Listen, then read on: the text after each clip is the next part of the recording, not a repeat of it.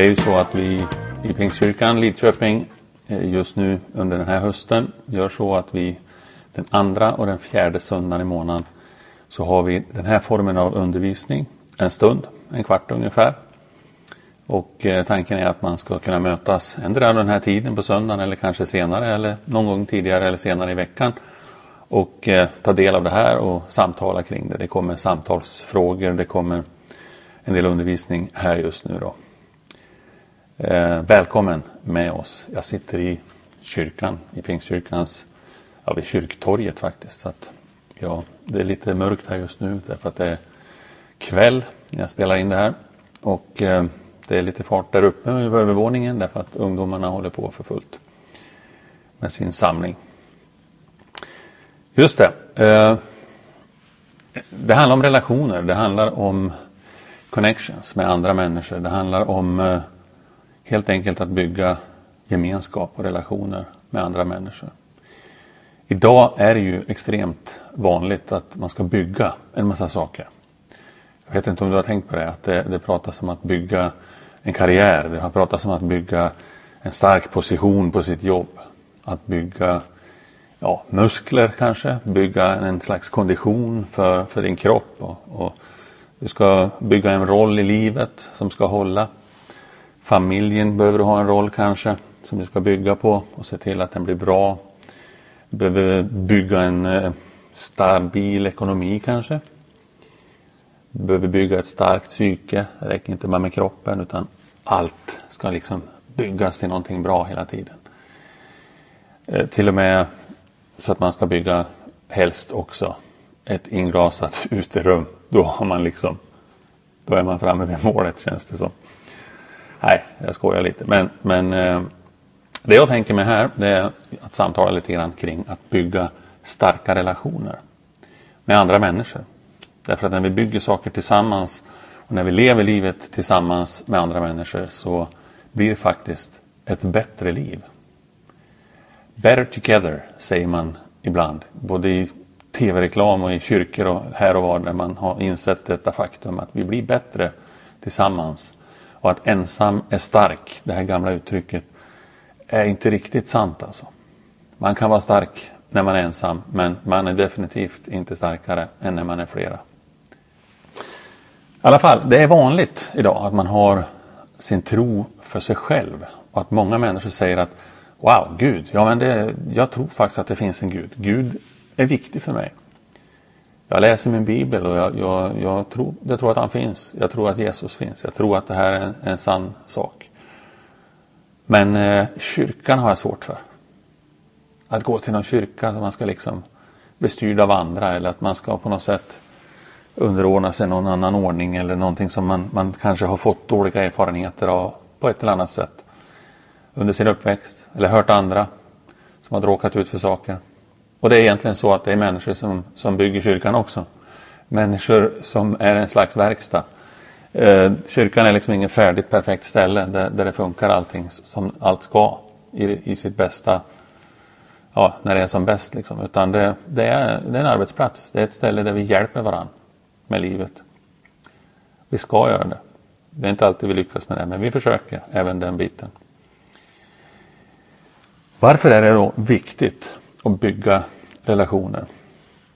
Ja, för det första så skulle jag vilja upprepa en sak som ungefär likadant som Niklas sa förra gången vi hade den här Dela livet söndagen. Vi är skapade för relationer.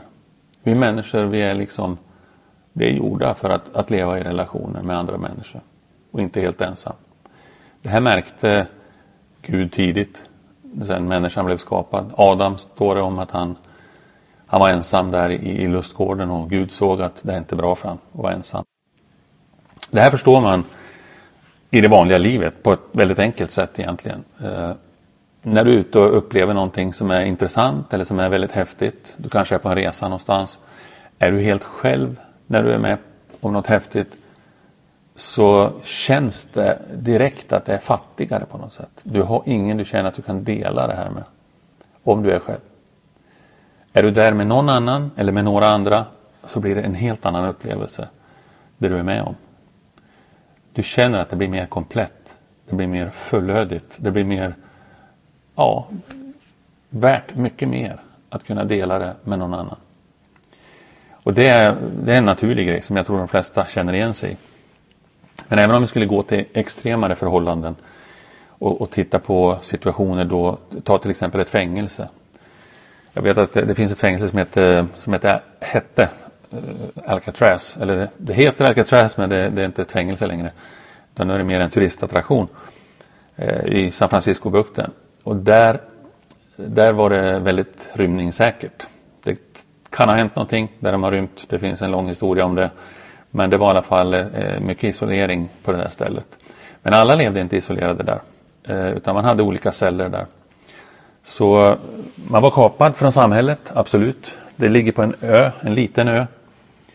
Och man var inlåst i en cell. Och de här cellerna var inte så stora. De var ungefär en och en halv meter gånger 2,7 meter djupa ungefär. Eh, det är inte stort. Det är inte stort. Och där var man inlåst och de flesta kunde ju så att säga räcka ut händerna så här bara och nå väggarna. Det beror på hur lång och stor man är naturligtvis. Frågar man fångarna som var på det här fängelset vad som var det bästa med Alcatraz. De hade suttit på en del andra fängelser. Men vad var det som var bra på det här stället? Så brukar de säga man får sin egen cell. Man får vara helt själv. Okej, okay, men talar inte det här emot det jag just sa nu då? Att man vill ju inte vara själv. Jo, men grejen varför det var bra att vara i en egen cell var för att man blev inte lika misshandlad av andra. Man fick klara sig undan, man blev inte utnyttjad, man blev inte illa behandlad helt enkelt. Därför att man kunde vara i sin egen cell. Men direkt gav det också den motsatta effekten. Därför att man ville ändå ha gemenskap, man ville ändå kunna vara med andra och prata med andra. Så det gjorde ju att, eh, i och med att det var förbjudet att prata utom när de åt eller när de var ute vid någon rekreation, så ledde det här till att en del av, av de som var i fängelse då, de tömde, de tömde sina toaletter på vatten för att kunna använda de rörsystemen till att prata igenom för att ha kontakt med andra personer därför att det blev jobbigt att vara helt själv. Så det syntes ändå att man ville inte vara helt ensam. Men vi har väl olika nivåer kanske du säger av det här med att vara ensam eller att vilja vara ensam. En del är ju ensamvargar brukar vi kalla det för ibland eller folk som kör sitt eget race liksom och inte så beroende av andra. Och så är det ju. Vi är ju, vi är ju lite olika vi människor. Vi har inte samma eh, gruppbehov allihopa. Det är lite olika. Jag själv är eh, en sån kan jag känna ibland att jag kör många saker på eget race och, och kan göra rätt mycket själv. Men eh, det är lätt att fastna i en sån ensam roll och tänka sig att det här är nog bra egentligen. Och så blir man van det och så missar man en glädje, en variation, det som berikar så mycket med att vara fler tillsammans. Och det märker man också när man sen är i ett sådant sammanhang att oj, det här ger ju jättemycket. Ordet varandra förekommer väldigt ofta i Bibeln, i Nya Testamentet. Man talar om att älska varandra, det talas om att stötta varandra, det talas om att be för varandra, bry er om varandra, uppmuntra varandra. Många sådana här uttryck finns. Och de förutsätter att det finns varann, att det finns fler än en. Så det finns faktiskt rätt många saker i Bibeln som du egentligen inte riktigt kan vara med om om du bestämmer för att vara helt själv i ditt kristna liv. Den här gruppen, hemgruppen eller kanske gruppen som större grupp i, i församlingen i kyrkan, den eh, erbjuder någonting som ensamheten inte kan prestera eller skapa. Relationer skapar också balans i livet. Vad menar jag med det? Jo, jag menar att som ensam blir man allt mer obalanserad. Det ehm, låter konstigt kanske, men eh, man tenderar som ensam att leva ensam i en lång period så tenderar man att bli lite mer speciell, lite mer extrem med sin egen inriktning därför att man är själv om allting, man är själv och tar olika beslut.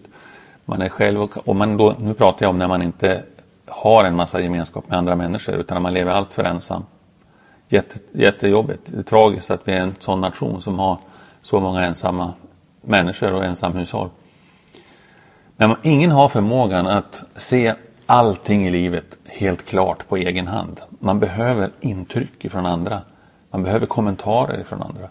Man behöver andra som ser saker som man inte själv tänker på.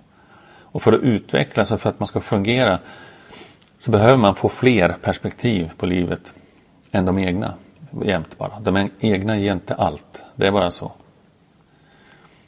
Relationer ger oss också kraft och det ger oss också styrka. Och då tänker jag på både känslomässigt, jag tänker på andligt och jag tänker på fysiskt också. Och om vi tittar på det andliga först så är det så att för att du ska växa andligt så behöver du ja, läsa Bibeln. Du behöver be till Gud. Det är liksom en grundläggande saker. Men vi behöver också, för att utveckla det ännu mer, varann. Till att utveckla varann. Hjälpa varann. Dela med oss av gåvor till varann.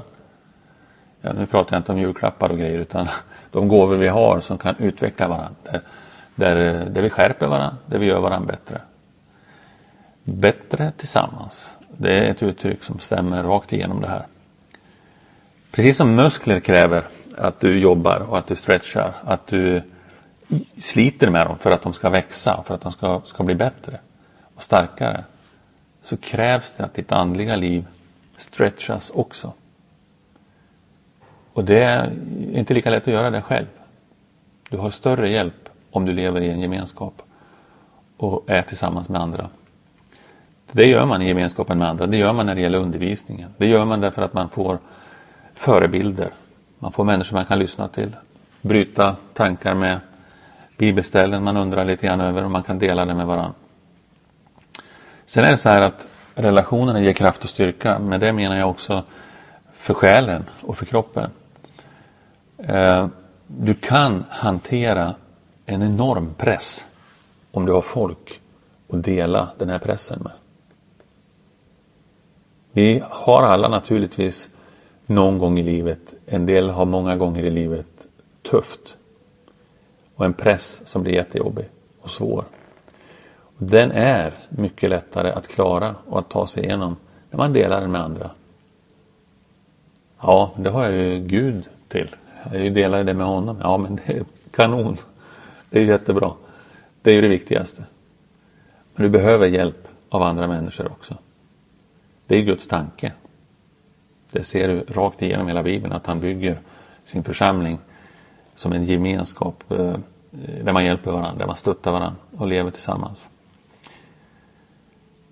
Du kan också hantera en mycket tuffare smärta om du inte är helt ensam. Eh, och nu pratar jag inte om eh, smärta ifall jag råkar göra illa mitt knä eller något sånt utan jag tänker på, på smärta, typ sorg, typ svåra upplevelser och sånt som gör ont i livet. Och man kan hantera en ganska enorm smärta faktiskt om man inte är helt ensam. Är man ensam så är det mycket tuffare. Mycket tuffare. Om du inte har någon att vända dig till och prata med och dela med. Och det är klart, om du har tänkt i livet i år efter år att jag behöver inte folk till sådana här saker. Och så kommer du till det här tillfället, för det kommer.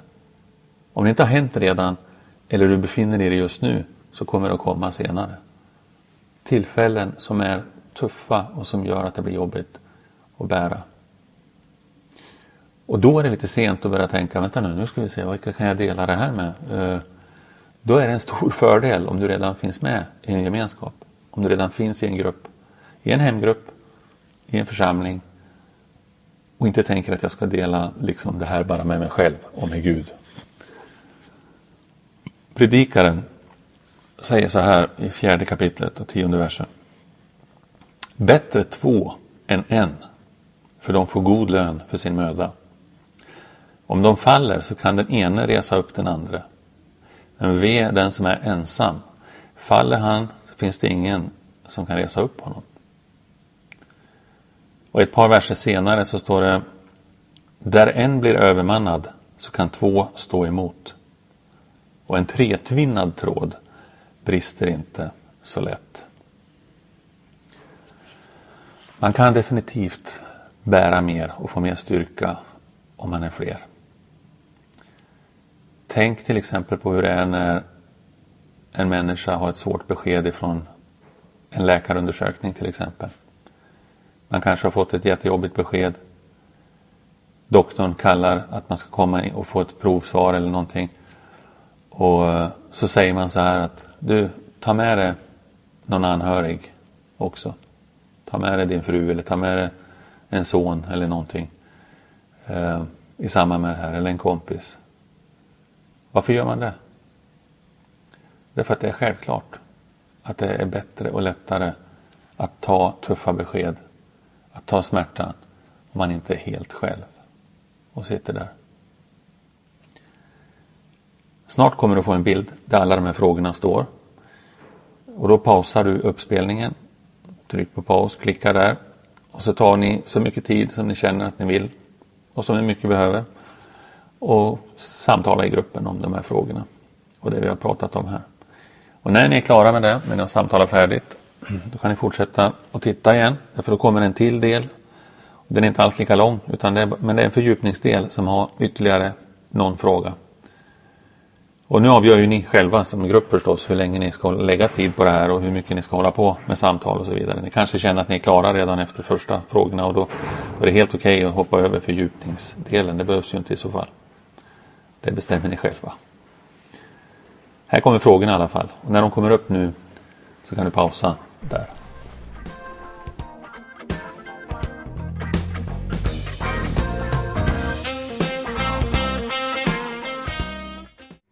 Det här är samtalsfrågorna med rubriken Bättre tillsammans.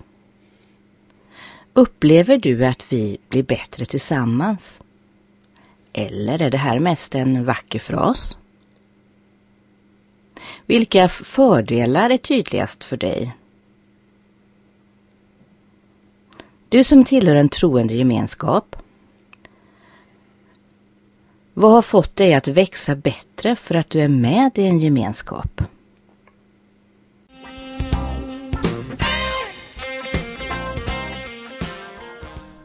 I Efesierbrevet 4 och 11 så står det så här.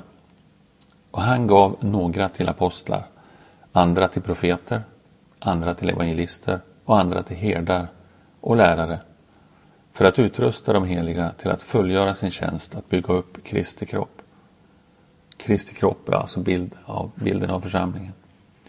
Tills vi alla når fram till enheten i tron och i kunskapen om Guds son. Som en fullvuxen man med ett mått av mognad som motsvarar Kristi fullhet. Av honom fogas hela kroppen samman och hålls ihop genom det stöd som varje led ger, med en kraft som är fördelad åt varje särskild del. Så får kroppen sin tillväxt och bygger upp sig själv i kärlek. Sen har vi första Korinthierbrevet 12 som talar om andliga nådegåvor. Gåvan att göra under, gåvan att bota sjuka, att förmedla, förmedla vishet, att dela kunskap och så vidare som är övernaturliga gåvor i funktion. När det gäller både de funktionerna och de gåvorna och även de här tjänsterna som vi läste om nyss, apostlar, profeter, evangelister, herdar, lärare, så är det någonting som är lite speciellt för Guds församling. Samtala gärna om frågan kring den här fördjupningsdelen också. Hur tänker vi där? Vad missar man också mer än det jag tidigare talade om? Fortsätt.